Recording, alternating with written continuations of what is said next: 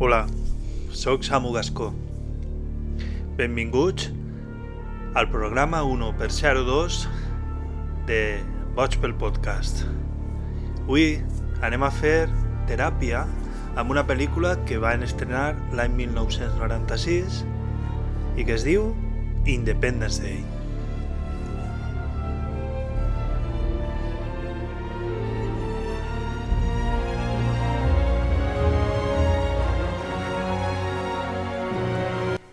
Era l'any 1996 i fa poquet n'hi havia un article que a 20 minuts es preguntava si va ser eixe any el millor any del cinema que hem conegut. Vaig a dir-vos només uns quants dels títols que es van estrenar durant eixe any. Mireu, Mars Attacks, A Time to Kill, la pel·lícula de Samuel L. Jackson i Matthew McConaughey, que parlava de com li violen la xiqueta a Samuel L. Jackson en un acte de, re, de racisme i com ell és l'advocat defensor, és una pel·lícula impressionant. Tinguérem The Rock, Trainspotting, The Arrival, però no la de fa poquet, la de han arribat! Està en Netflix, de Charlie Sheen. Daylight. Space Jam. Fargo. Jingle All the Way, de, de Schwarzenegger. Que la traduïren així com un pare en dificultats. The Native Professor. També estrenaren la recordada pel·lícula romàntica amb Leo DiCaprio i Claire Dance de Romeo and Juliet. Scream, un dels slashers, una franquícia que va ser una passada, de fet en guany, 2022, per si us sentiu en el futur, pues, se va tornar a, a reprendre la, la franquícia. També estrenaren From Dusk Till Dawn, o traduït així en, en, almenys en Catalunya, perquè en València no crec que ho estrenaren al cinema, obert fins a la matinada. La pel·lícula dirigida per Robert Rodríguez, que té com a protagonistes a George Clooney, a Juliette Lewis, Harvey Keitel, inclús té el director Quentin Tarantino fent un paper. La veritat és que és una pel·lícula molt boja i molt divertida. Però per a boig el que ve ara. També fa estrenar aquest any The Cable Guy, que estava protagonitzada per Jim Carrey, per així la traduïren com un boig a domicili, amb una actuació de uno que no sap dir que no i que acaba embolicat per The Cable Guy, que és Matthew Broderick. La pel·lícula està dirigida per Ben Stiller, que, que, que l'admire molt. Després anem a veure què s'estava veient per la televisió, què se va estrenar, millor dit, aquell any en la tele. Everybody Loves Raymond, Third Rock from the Sun. Per així ho traduïren com caiguts del cel.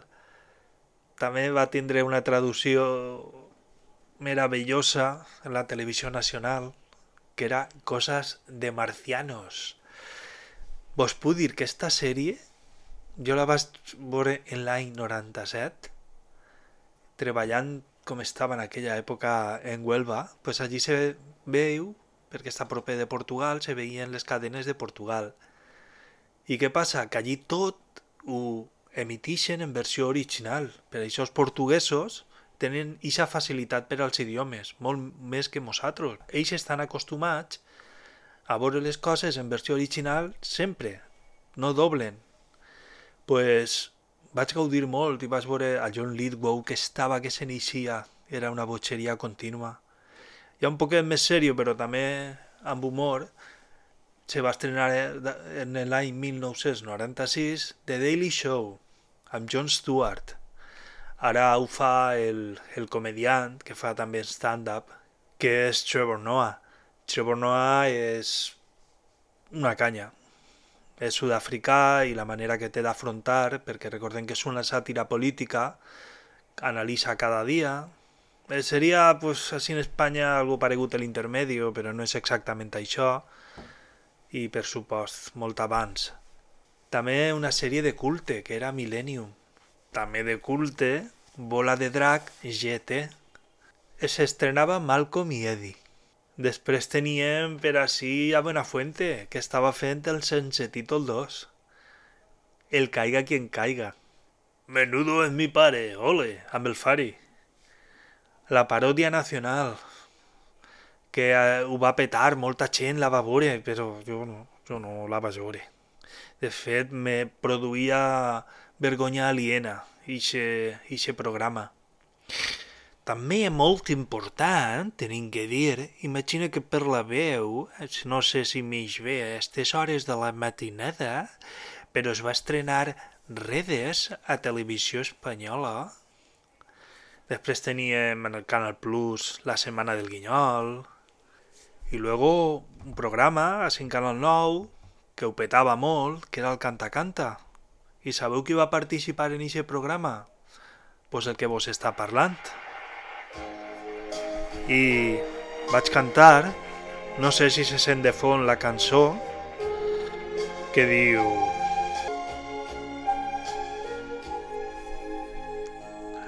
Fuiste mía, solo mía, mía, mía, cuando tu piel era fresca, como la hierba mojada. Fuiste mía, solo mía, mía, mía, qué mal que cante. Y es que la chuvellera soc un vuelo. Además, per a mi cantar això va ser molt important perquè feia només dues setmanes que m'havia declarat a que es convertiria després en la meva dona i va ser un regal molt, boni, molt bonico que li vaig fer. Vos puc dir que feia només dos anys que m'havien diagnosticat aquesta malaltia i anava un poc perdut perquè la depressió és una cosa que tu no t'entens, tu no acceptes, no funciones, no saps per què te passa, no saps quins símptomes, no es coneixes bé... Però bueno, lo important és que segons passa el temps, si algú de vosaltres té depressió, coneguem-vos, coneixeu-vos bé, sabeu el que teniu, sabeu com actuar en certes situacions. Això és una cosa que dona l'experiència, així que no s'afoneu ni vos agobieu massa si de tant en tant pues, no sabeu com funcionar o per què vos passa certa cosa. Doncs bé, després de la xapa que vos acaba de, de pegar, recordeu que això és una teràpia a base de cinema i sèries, pues anem ja a lo que ens ocupa avui, que és la pel·lícula Independence Day. ID4 és com se coneix per ahir en el món estranger, en el mundo extranjero. Pues mireu, el dia 13 de setembre de l'any 1996 va ser el dia que l'estrenaren al meu poble. Jo estava convençut de que això era el dia de l'estreno. Diu la IMDb, diu que va ser estrenada el dia 6, però bueno, pot ser que arribara una setmana més tard al cinema del meu poble, vaig comprar l'entrada abans, crec que era la primera vegada que ho feia, i estava en molta il·lusió de poder veure ixa pel·lícula. Ixa il·lusió, ixa, ixes ganes de veure-la és una cosa que ara coneguem com hype. Doncs bé, ixa pel·lícula, sabeu quina data se va estrenar en Estats Units? Pues se va estrenar el dia 25 de juny, justetament 9 dies abans del 4 de juliol. És a dir, la festa nacional i en els dies en els que transcorreix la pel·lícula. Va tardar dos mesos en arribar així a Espanya. S'imagineu ara tindre que esperar més de dos mesos per a poder veure un blockbuster? Menys mal veritat que les coses, en este cas, han anat a millor. Recordeu, ahí estava jo, 13 de setembre 1996, 4 de l'asprà, sentat ahí en la meua butaca, desitjant que començara la pel·lícula amb les meues borles, la meua Coca-Cola, que es començava a les 4 i mitja, i sabeu què va passar? pues el projector del cinema, del cinema Reino, pues es va trencar. Que casualitat. Aixina que fins a les 10 de la nit vaig tindre que estar a esperar tot això vesprà, una vesprada interminable, per a poder veure la pel·lícula que tant desitjava veure. Ara, per fi, s'apagaren les llums. Jo anava soles, però el cinema estava ple. Tenia la pell de gallina. Mai en la vida havia esperat tant veure una pel·lícula. Algunes dades, aquesta pel·lícula és de Roland Emmerich, sabeu ja que ell és un dels especialistes en cinema de catàstrofes, però en aquest moment el gran públic el coneixíem sobretot per Soldat Universal, veritat, i per Stargate. Però després va fer blockbusters com Godzilla, The Patriot, The Day After Tomorrow, 10.000 abans de Crist, 2012, i ara últimament ha fet un pel·lículó que és Midway i que narra aquesta batalla i per als que som aixina geeks també de la història tenim que dir que és una pel·lícula molt acurada que te fa comprendre bé el que va ser aquesta batalla i està molt ben realitzada. I n'hi ha que dir que ara per a d'ací poquet estem ara en gener, doncs per al 4 de febrer d'enguany, 2022, estem esperant Moonfall. I diu a IMDb que està preparant un reboot de Stargate. I si això és veritat, doncs tots els gaters ojalà també vosaltres tant de bo sigueu gaters, pues l'estem esperant amb molta atenció i il·lusió. Doncs bé, ara s'apagaren les llums i de repent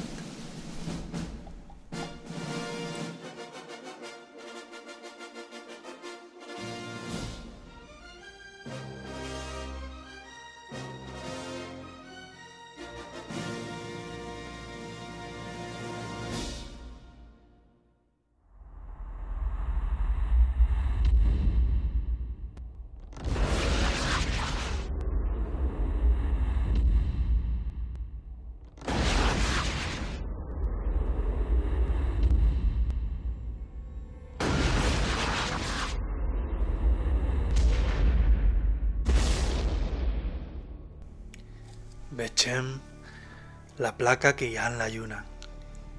Ara, pols, tremolor.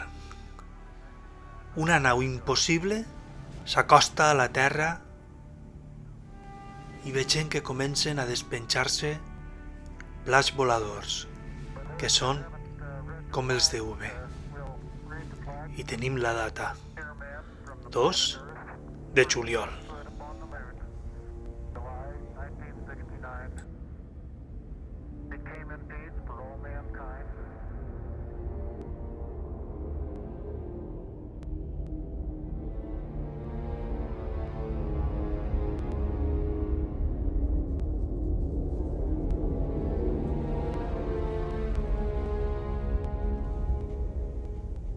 Ja esta música del principi ens col·loca en situació, perquè vegem que hi ha tensió.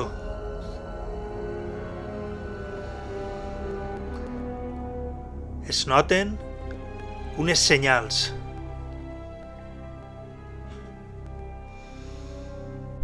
Estem ara en el SETI.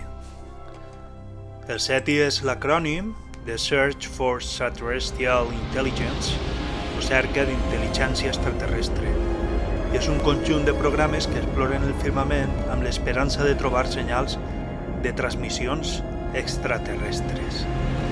I sona una cançó. That's great, it starts with an earthquake, birds and snakes, an airplane, and Lenny Bruce is not afraid.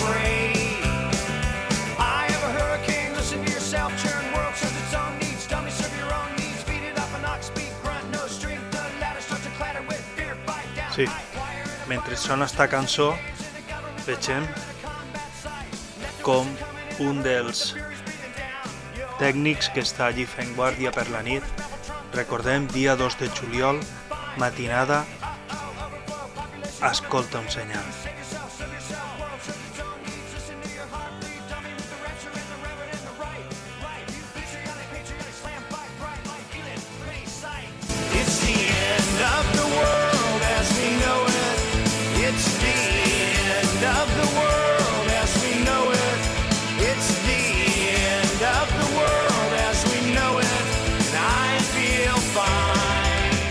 S'adonen que la senyal ve de la lluna.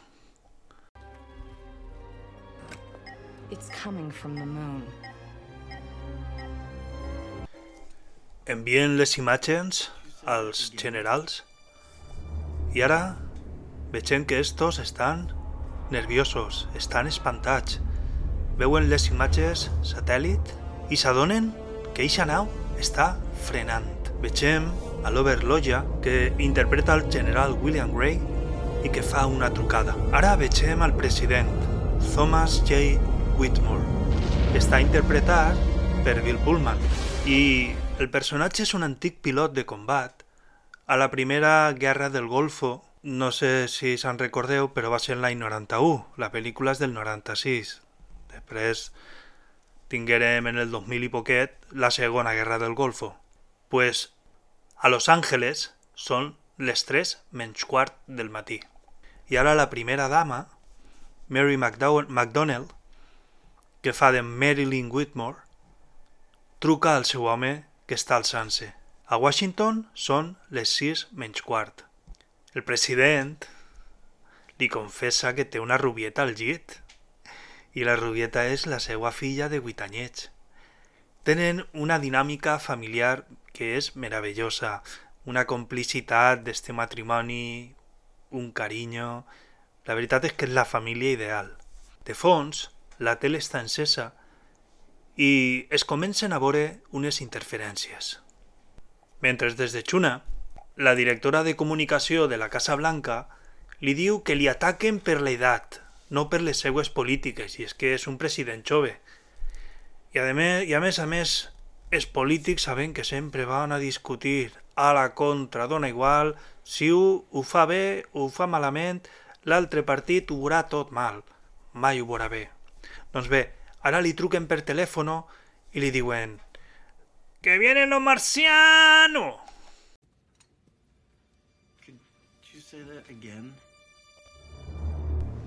I ara vegem com un satèl·lit s'estavella contra la nau mare.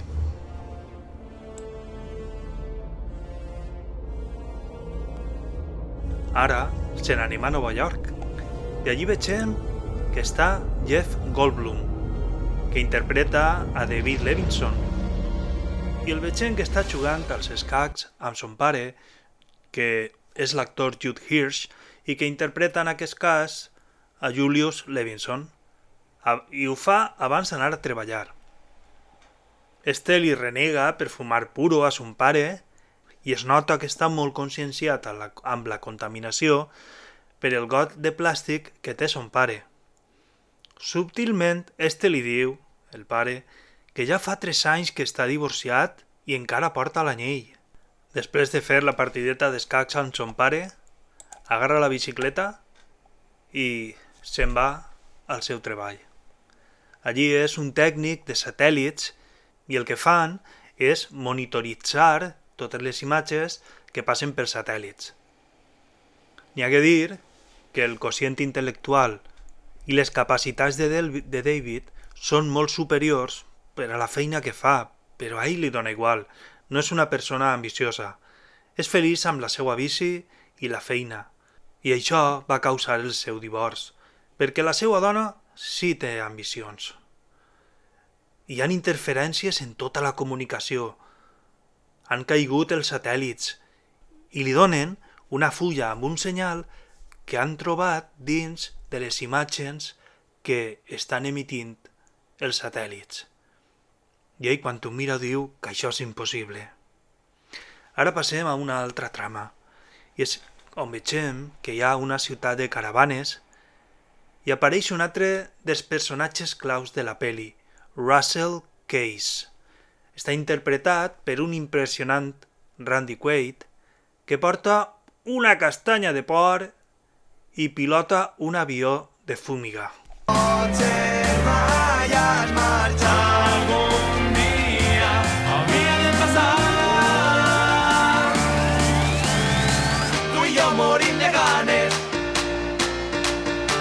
les barricades.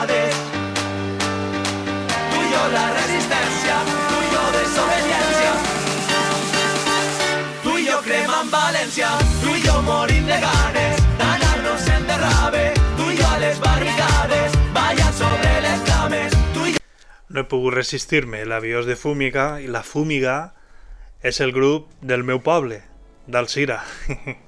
Espero que vos hagi agradat el trosset de cançó que vos he posat. pues bé, com va borratxo, s'enganya de camp.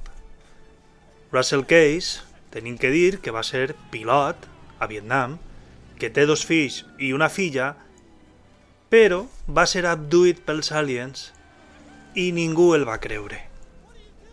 Tornem ara al despatx oval i al president li estan ensenyant unes imatges que han captat com els platets volants van entrar en la Terra en uns minuts.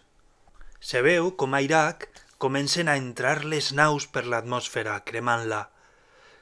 I un submarí nuclear ahí mateix en el golf Pèrsic que capta per infrarrojos l'entrada de les naus i en seguida truca al comandament central. Allí van bojos, rebent els avisos i per primera vegada es veu ixa entrada. Una televisió russa retransmet el caos a Moscú i un avió espia s'estavella contra el platet. El moviment és frenètic a la Casa Blanca. En 10 minuts arribarà un platet a Washington. El president, que és valent, diu que ell no se'n va al Norat. Aixina que li mana a tot el seu cabinet que per seguretat vaig allí, però que ell no es mou. Sabeu el que és el NORAD? Pues és the North American Aerospace Defense Command i que està, sabeu a on? A la muntanya Cheyenne, a Colorado Springs, i segur que tots sabeu on està, perquè vos vaig a posar una pista.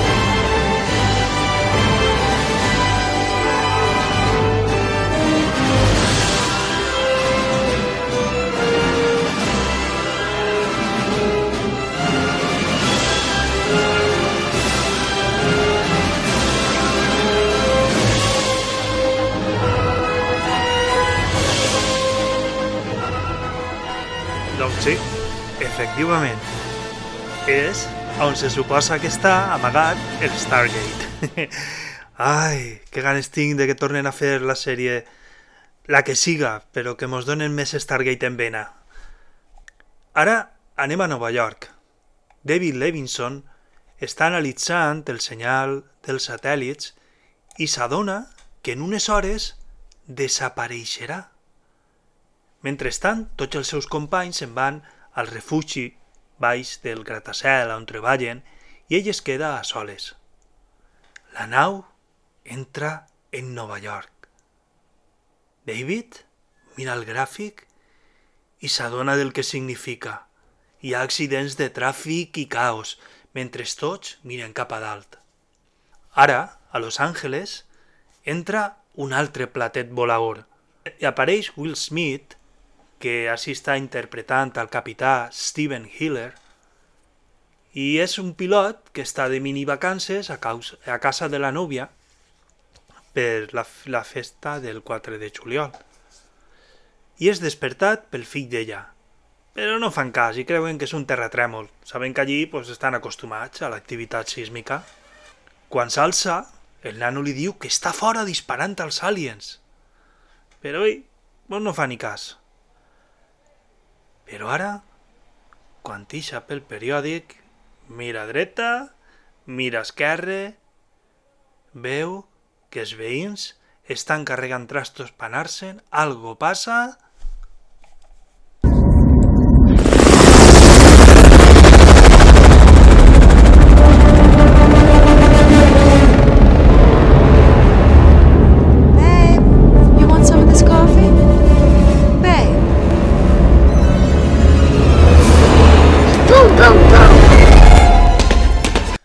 dir-vos que este moment és impressionant.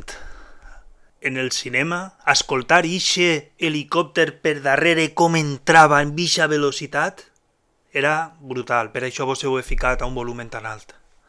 Per a veure si podíeu sentir, encara que sigui una miqueta, ixa mateixa sensació. Tinc que dir, a títol personal, que aquesta pel·lícula, Independence Day, junt amb The Lion King, van ser dos pel·lícules que em portaren directament d'Anglaterra, netes i sense subtítols ni res. I quan es posava en el meu vídeo connectat a la minicadena, es sentia això.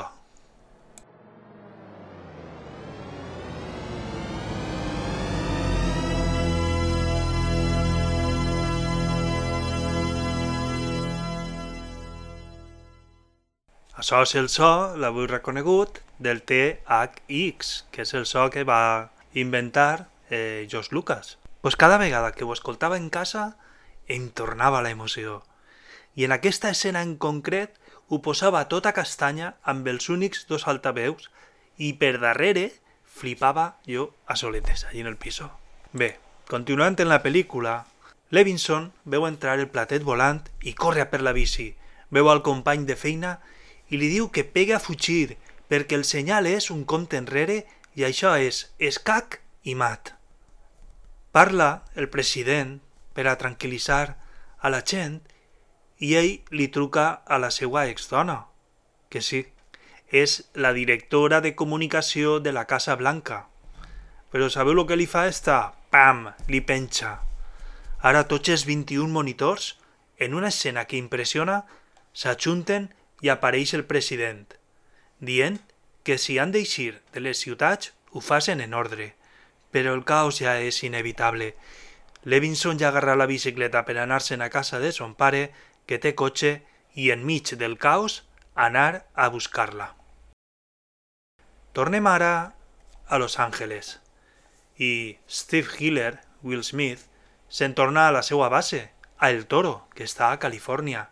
La nòvia, Jasmine Dubrow, està molt preocupada. Ell li pregunta que per què està tan preocupada. I ara vegem una frase mítica de la pel·lícula. I?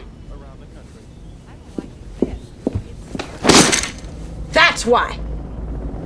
Per això està preocupada. Li obri la finestra, li ensenya l'Omni i li diu That's why.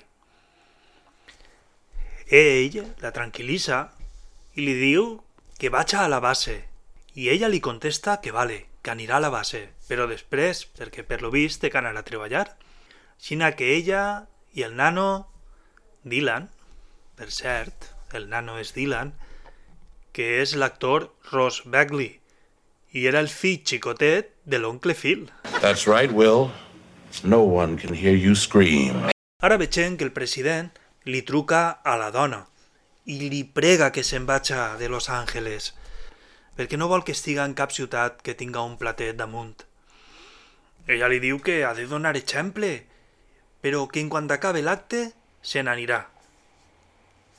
Ara tornem al cotxe amb Levinson i son pare, que van al revés, perquè tot el món està pegant a fugir de les grans ciutats com Washington, però ells estan entrant. I el caos veiem que va en augment.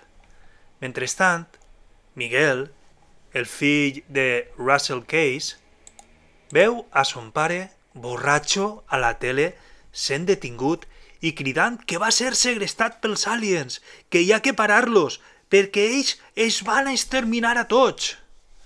Miguel agarra els germans i diu «Se n'anem!» Però en aquest moment apareix un pare encara bufat. Estem ara en la base de El Toro, que no el bou, perquè els noms no se tenen que traduir. I així tenim els pilots que estan mirant la tele.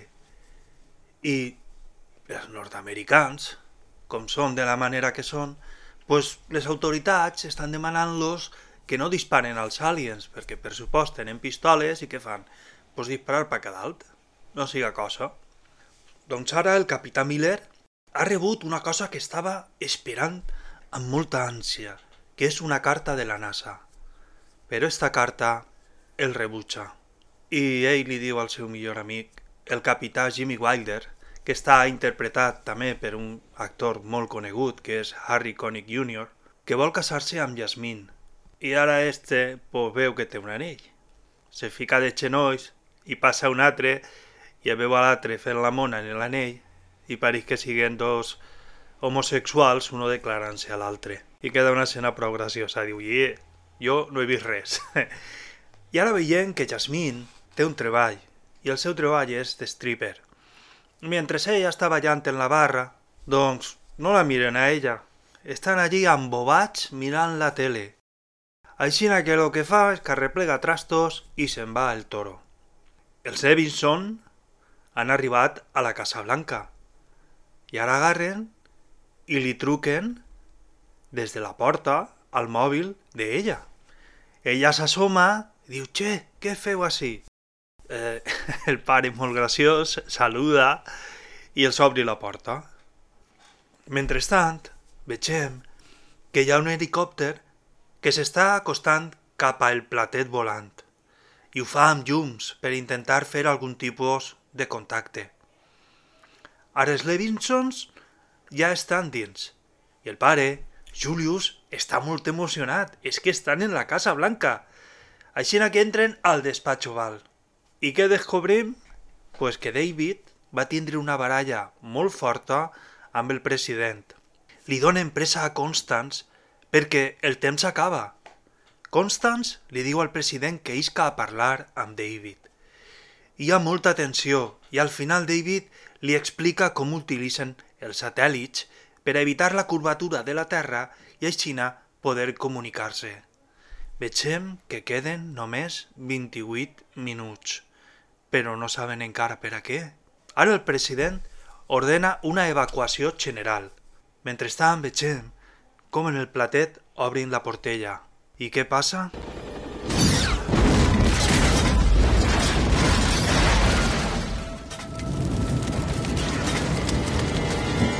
Efectivament, des de el platet volador s'han carregat l'helicòpter. Està clar que el que volen és guerra. Per altra banda, hi ha molta gent que està en els terrats dels gratacels per a rebre els aliens. L'avió de la primera dama veu a aquestes persones mentre s'intenta eixir de Los Angeles. En un terrat vegem a gent disfressada amb motius d'aliens i cartells de benvinguda.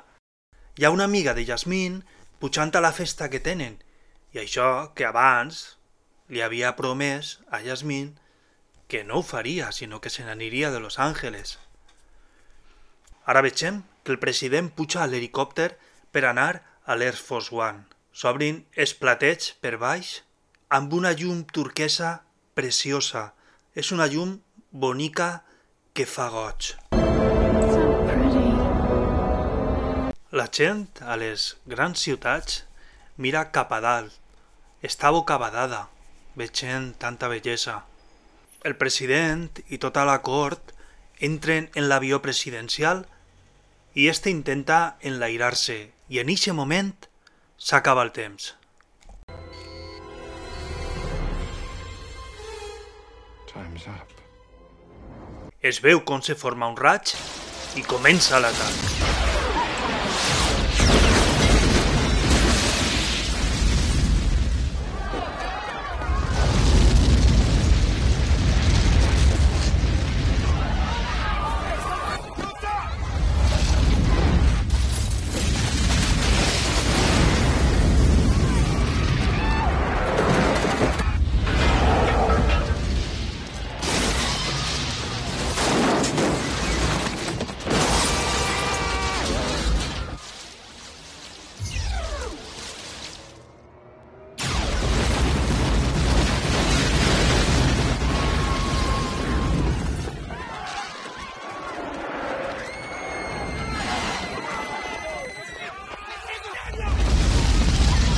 Les imatges són espectaculars.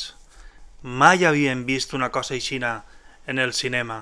Un raig destruint edificis sencers. Ara anem a situar-nos. Per una part hem vist com la primera dama està enlairada en l'helicòpter quan comença l'explosió.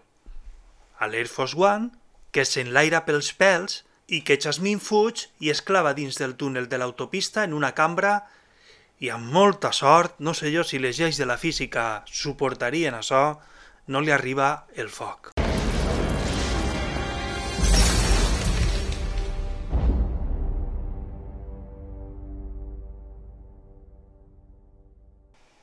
Estem ara a 3 de juliol. Sobre unes torres bessones desfetes i l'estàtua de la llibertat destruïda sobre la mar es veu un Nova York arrasat. Russell Case va amb els seus nanos a l'autocaravana i veuen una multitud d'autocaravanes i s'acosten. El president es lamenta de no haver actuat abans. Pregunta per la seva dona, però no tenen cap resposta no la troben. Veiem que Jasmine ha sobreviscut i troba un camió. A El Toro preparen un atac i una altra vegada veiem a la pantalla una cosa que mai s'havia vist. Moltes esquadrilles que formen una flota impressionant d'avions. Ni a Star Wars s'havia vist mai una batalla tan gran. Arriben i disparen, però sorpresa, els plateig tenen un escut i els missils no la travessen. I per si això fora poc, comencen a eixir tantes naus del platet que omplin la pantalla i costa seguir la batalla. Les naus també tenen escut i estan desfent la flota, els estan matant. El de president, que recordem és un pilot veterà, ordena desesperat que els traguen d'allí.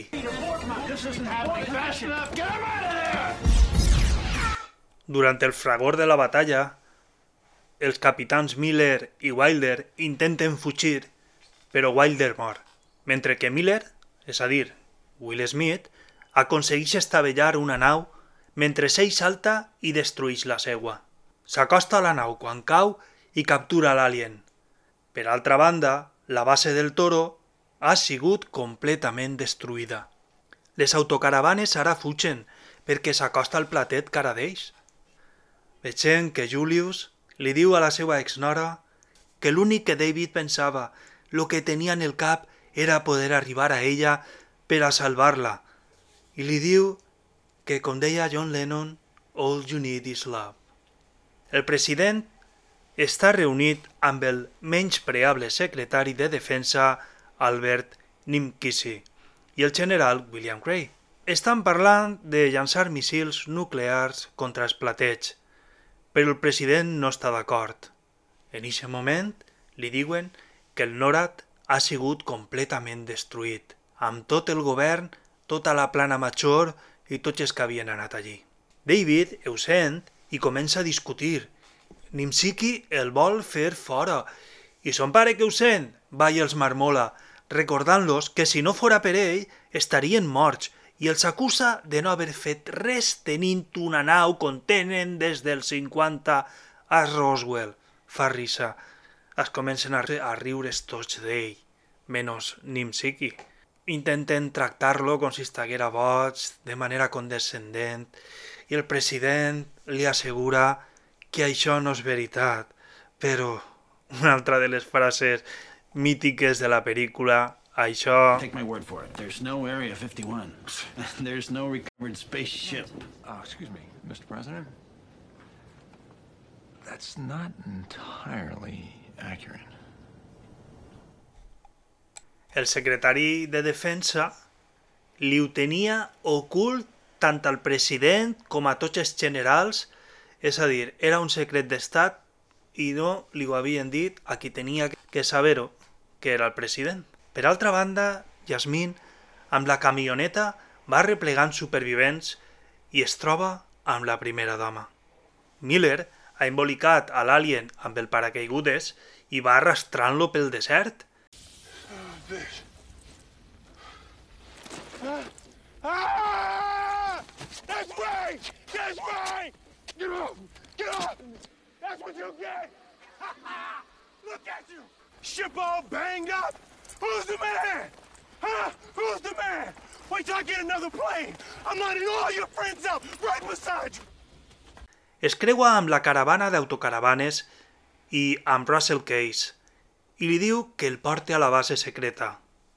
L'àrea 51 no ix als mapes, i és que per lo vist, per als que no estaven clavats al món dels secrets d'estat, com era el meu cas, en ixe any l'àrea 51, que ara tot el món la coneix, pues no era una cosa massa coneguda. Vegem ara com ja van juntant-se les trames. Tenim el president que amb l'Air Force One ha arribat a l'àrea 51. Per altra, tenim el capità Hiller i a Russell Case, junt amb la seva família portant l'Alien, que van cap a l'àrea 51 també. I per altra, el que tenim és a Jasmine, que porta la primera dama i uns quants passatgers més, que va cap a El Toro. Ara el president i tots els qui l'acompanyen s'abaixen de l'avió, però no vegen que li facin massa cas. Però ell es fica serio i els obliga a obrir l'entrada al subterrani de la base. I qui apareix? El doctor Brakish Okun. Em fa molta vergonya dir-ho, però en aquella època no vaig reconèixer el magnífic Brent Spinner, el benvolgut Data. Algun dia parlaré de Star Trek perquè també sóc trequi, però no en aquella època on els mitjans eren molt limitats. El que sí que vaig reconèixer va ser la veu del doblador. Quin remei, vas tindre que voler doblar. La versió original era una quimera i els cinemes en aquella època pues, era molt difícil trobar-les, si és que existien. Pues el que li ficava la veu era un actor clàssic espanyol molt conegut en aquella època que li diuen, encara està viu, Luis Varela. I que, per cert, una dada curiosa és que preparant-me este programa he descobert que va néixer el mateix dia que jo, l'11 de gener, però 30 anys abans, en 1943. Brent Spinner és un actor de primer nivell i així ho demostra fent de científic boig. Està molt emocionat per el que està passant, perquè la nau que recobraren als anys 50 s'ha posat en marxa soles. Però el president el marmola perquè no és emocionant, la gent està morint. A més, els ensenya que tenen els cossos de tres aliens. Estos aliens tenien un vestit biomecànic, però són igual de febles que els humans. També creuen que es comuniquen per telepatia. El president, ja amb bon rotllo, li demana a, David que esbrine com se'ls pot fer mal. Ara, a l'entrada de la base apareix la gran caravana i Hiller utilitza per entrar dins de la base a l'alien que té presoner, donant-li un esglai al militar que ha en l'entrada, que no volia deixar-lo entrar, però quan veu el bitxo diu passen, passen ustedes, passen ustedes. Al mapa es veuen com les grans ciutats per tot el món han desaparegut i que només els queda el 15% de l'exèrcit. A Hitler li diuen que el toro ha sigut completament destruït i ell es queda molt mal. Però Emmerich no ens fa patir massa perquè de seguida canvia d'escena i vegem que Jasmine i tots els que ha replegat pel camí amb la camioneta arriben a El Toro. Quan estan allí fan un foc i Jasmine li presenta a Dylan a la primera dama, mentre que un altre protagonista, el gos, boomer, boomer!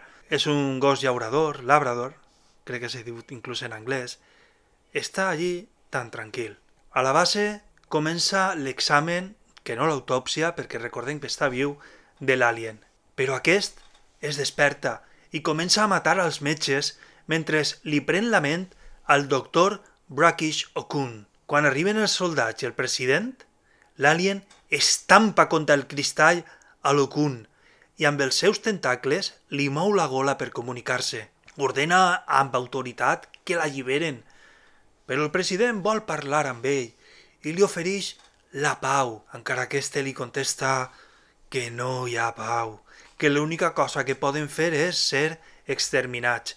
I de sobte es clava dins de la ment del president, fent-li molt de mal, però l'acribillen a trets i el maten. El president Whitmore ha pogut llegir els pensaments de l'alien mentre aquest estava dins la seva ment i amb fàstic diu que són com les plagues de llagostes, arriben als planetes i consumeixen tots els seus recursos naturals fins que es mouen a un altre planeta. Molt enfadat, ordena disparar amb míssils nuclears. David està desesperat, van a carregar-se el planeta, si no els aliens, els humans, amb els seus míssils nuclears, i el que fa és buscar alcohol per emborratxar-se. Però es troben la seva ex i ella li diu que ell podia haver sigut el que haguera volgut, perquè era molt intel·ligent, és molt intel·ligent, però que ella volia una carrera, una vida que significara alguna cosa. I ara ve la clau. John en sent molt identificat amb David. was happy where I was. Haven't you ever wanted to be part of something special? I was part of something special.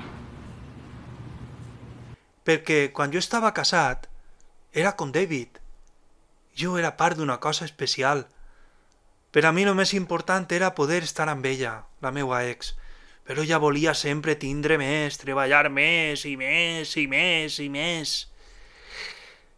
No dic que això estiga mal, no sóc jo xutxe, però sí que en una parella estar descompensats en lo que uno vol, pues és molt important, perquè tenen que anar els dos a una. Si els dos volen tindre moltes coses, que vagin, però si un el que vol és centrar-se en el matrimoni i l'altra persona en acumular, doncs aleshores això està condemnat, com me va passar a mi, al desastre. Continuant amb la pel·lícula, ara ella li diu que mai ha deixat de voler-lo i ell li contesta que no era prou. Veritat? Ara vegem com el capità Hiller furta un helicòpter per anar a El Toro. A Houston li llancen un míssil nuclear al plat volant, però quan pareix que ha sigut destruïda perquè no la veuen, ho celebren, fan una festa de por, però s'adonen de que Target remains. I repeat, target remains. Call the other planes back. el president para els atacs previstos i el moniato de Ninkisi es cabreja, va variar. A El Toro arriba l'heroi i rescata a Jasmine, el nano, el gos, els supervivents i a la primera dama. A l'àrea 51, quan arriben, s'adonen que Marilyn Whitmore està molt mal ferida i finalment mor. El president va dir-li-ho a la seva filleta i això és una cosa que mos trenca el cor. Per fi, com qui no vol la cosa, hem arribat al 4 de juliol. Amaneix el dia de la festa nacional i David porta una mona de campionat i està pegant colps i bacs perquè no veu la solució. Son pare l'anima i li diu que vaig a espai, que no és costipe. I David li contesta Jenny, que ets un geni! Tornem ara on està la nau. David fa una demostració i li disparen a la nau i aconsegueixen atravessar l'escut perquè ha posat un virus informàtic. Recordem que en 1996 no era massa comú el que ara és una resolució clàssica a moltes coses, com és implantar un virus. Diu que tenen que anar a la nau mare directament per a fer-ho, però que tindran poquets minuts. Ara tornem a veure a eixe ésser repugnant que és el secretari Nimsiki queixant-se negatiu, parlant-li mal a tots, perquè diu que és una botxeria coordinar un atac aixina. Hiller diu que la pot fer volar i la nau, vegem, que està activa i que flota. Ninsiki continua pegant la llanda al president i este per fi l'acomiada. Mr. Nimzicki, you're fired. Vegem com es comencen a moure's i amb el codi que va inventar el meu tocayo, el codi Morse, es posen en contacte amb totes les forces armades de tots els països arreu del món. El major Mitchell demana voluntaris que sàpiguen volar i Russell, que segueix borratxo, es presenta, se farta de cafè per baixar el pet i diu que està desitjant tornar-li als aliens per el que li feren al segrestar-lo. Ara vegem una escena romàntica amb David i Constance. Ella no vol que vagi a la nau mare. Ell li contesta que és l'oportunitat de salvar el planeta i, com havia dit ella abans, marcar la diferència. I ella li contesta, i justet ara és quan et tornes ambiciós? Jasmine i Hiller es casen abans de la missió i de testimonis estan David i Constance. Ella s'adona que encara porta l'anell. Es miren i ella li agarra la maneta. Ara ve un dels discursos més famosos de la història del cinema. Good morning. Bon dia. En menys d'una hora, l'aviació d'ací s'unirà amb altres de tot el món i vosaltres llançareu el major atac en la història de la humanitat. Humanitat. Eh?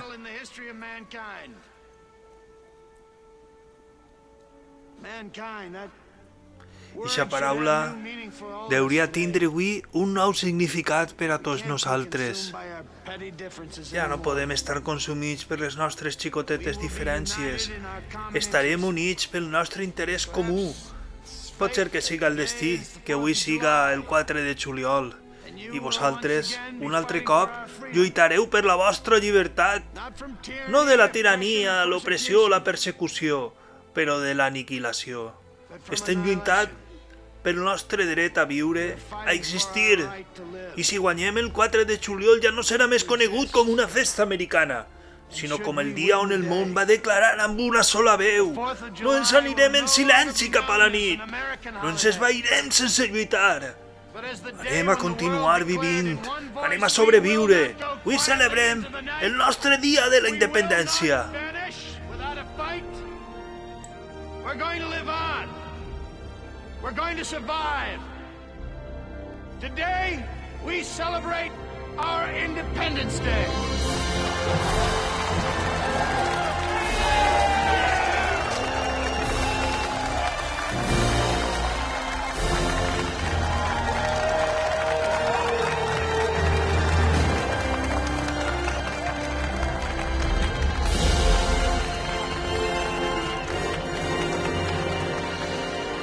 Nota que no sóc Bill Pullman, en veritat. I és un discurs molt emocionant. Avui en dia, la humanitat està molt dividida, inclús més dividida de lo que estava aleshores, en 1996. I ho sabem perquè en realitat no mirem on importa.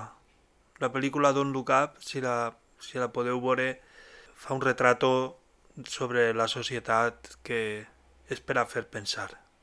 Bé, Hitler i David s'acomiaden. Hitler li promet al nano que quan tornen hi haurà focs d'artifici i Julius li diu al seu fill que està orgullós d'ell. I és que és molt bon fill. S'acomiaden cadascú de les seues respectives xicones amb un pes i Hitler s'alarma perquè no té cap puro. Horror! No tengo un puro. Julius li dona i li diu que menys mal perquè quasi es fot tot i que si no hagueren tingut els puros no hagueren pogut fer res. La veritat és que és un moment molt còmic. A la Russell Case, Russell Case, el veritable heroi de la peli, posa la foto dels seus fills en l'avió, l'encén i ara també s'encén un míssil. Corrent, la paga i ara mira els fills amb carinyo, s'acomiada d'ells des de l'avió. Hitler li dona un puro a David i molt solemne li diu que és molt important. Arranca la nau i s'enganya perquè va cap arrere. Oops. Oops. Una vegada enlairats, Hitler fa el fava amb la nau, a dreta, a esquerra, marejant-lo. Recordem que abans, a l'Air Force One, es va passar el viatge bossant, perquè se mareja molt en l'avió.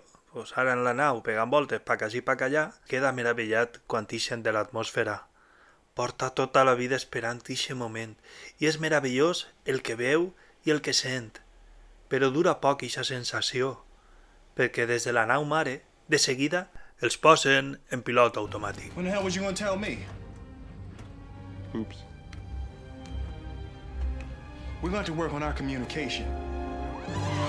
Ara David li torna l'ups perquè no li ho havia dit, que segurament anaven a, a prendre-los en pilot automàtic.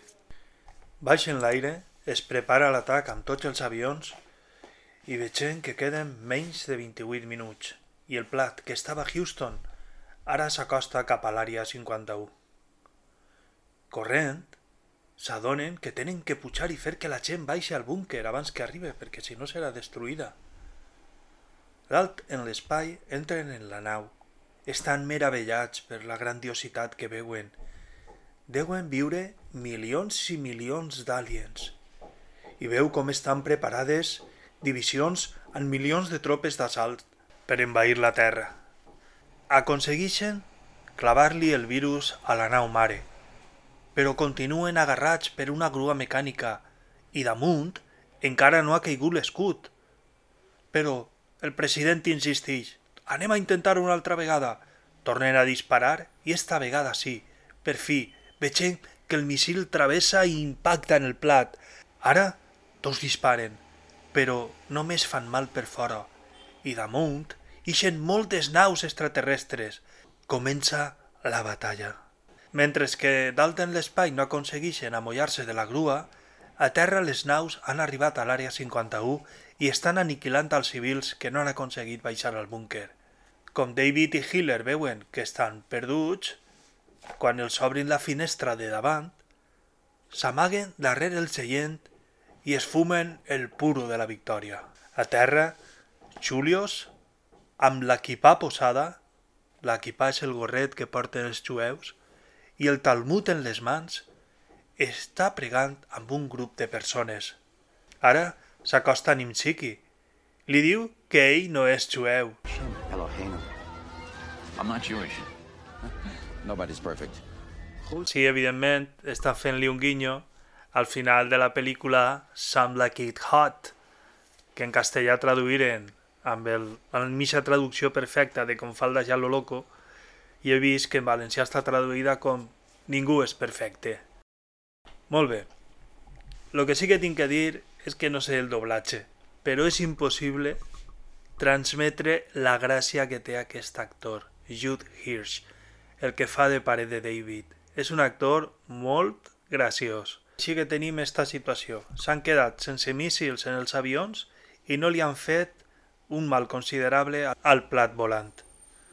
Però aquí sentim ara, sí, és Russell Case, que diu que li queda un míssil. És una escena molt emocionant, de les que li agraden fer a Emmerich. Li pregunten, qui és? Ell diu, sóc jo, Russell Case, senyor, li vaig dir que no el decebria. El seu fill, Miguel, està a la sala i ho escolta emocionat. I ara, igual que li donaren cobertura a Luke Skywalker quan s'acostava cap a l'estrela de la mort, doncs a ell també li donen cobertura per a que s'acoste a la nau. Ara sí, per fi ve el moment més emotiu de la pel·lícula. És impossible no aborronar-se. Russell mira la foto dels seus fills i demana un favor, que li diguen als seus fills que els vol molt. És el moment culminant de la pel·lícula. El platet obri la comporta per a tirar el raig fulminant i destruir l'àrea 51. All right, you alien assholes! In the words of my generation, up yours! Dad, what's he doing? Come on! Come on, baby, come on!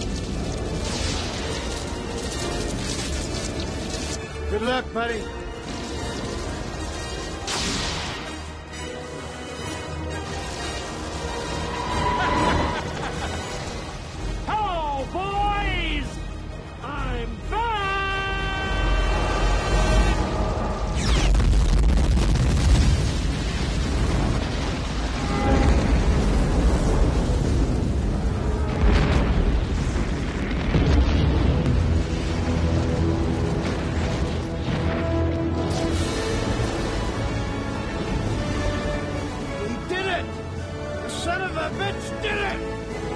Sí, el nostre amic Russell Case s'estavella contra el canó de la nau justament quan estava a punt de disparar el raig i la destruïx per complet.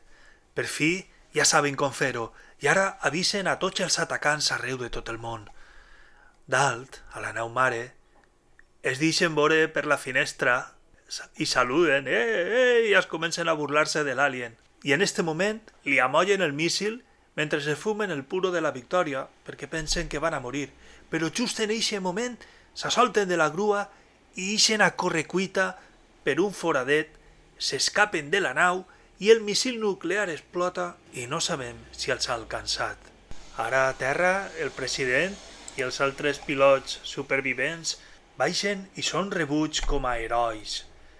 Per tot el món s'està celebrant. Vegem com ho fan al Kilimanjaro, al Cairo i a Sydney. Ara vegem que en terra han perdut el contacte amb la nau, que fan 20 minuts que no saben res ni de David ni del capità Hiller. Però en eixe moment diuen n'hi ha algo en el radar. Correguen se pugen tots els vehicles, van cap on està la senyal del radar i veuen que la nau està estavellada i a David i al capità Hiller, els dos fumant-se un puro, caminant fent-se el xulo, que el president li diu a David que no està malament el que ha fet. No, no, no, no està gens malament. Vegem que tenen bon rotllo, han fet les paus i tot està bé. Finalment, Hiller li diu al seu fillastre, Dylan, no t'havia promès focs artificials? I així s'acaba la pel·lícula. Mentre vegem com en l'atmosfera entren les restes de la nau fent com si fos un castell de focs artificials. Així, en aquesta escena és on més se nota el CGI, però recordem que estem parlant de 1996. Penseu, qui de vosaltres tenia diners en el 96 per comprar-se un ordinador? Jo no vaig tenir el primer ordinador fins a l'any 99, que va ser l'any que em vaig casar i tenia 26 anys. Ara sí, la música entra i s'ha acabat esta emocionant història. També hi ha una segona part, que es va fer 20 anys després, en l'any 2016. Molts la rebutgen, però jo vos tinc que dir que a mi sí que m'agrada.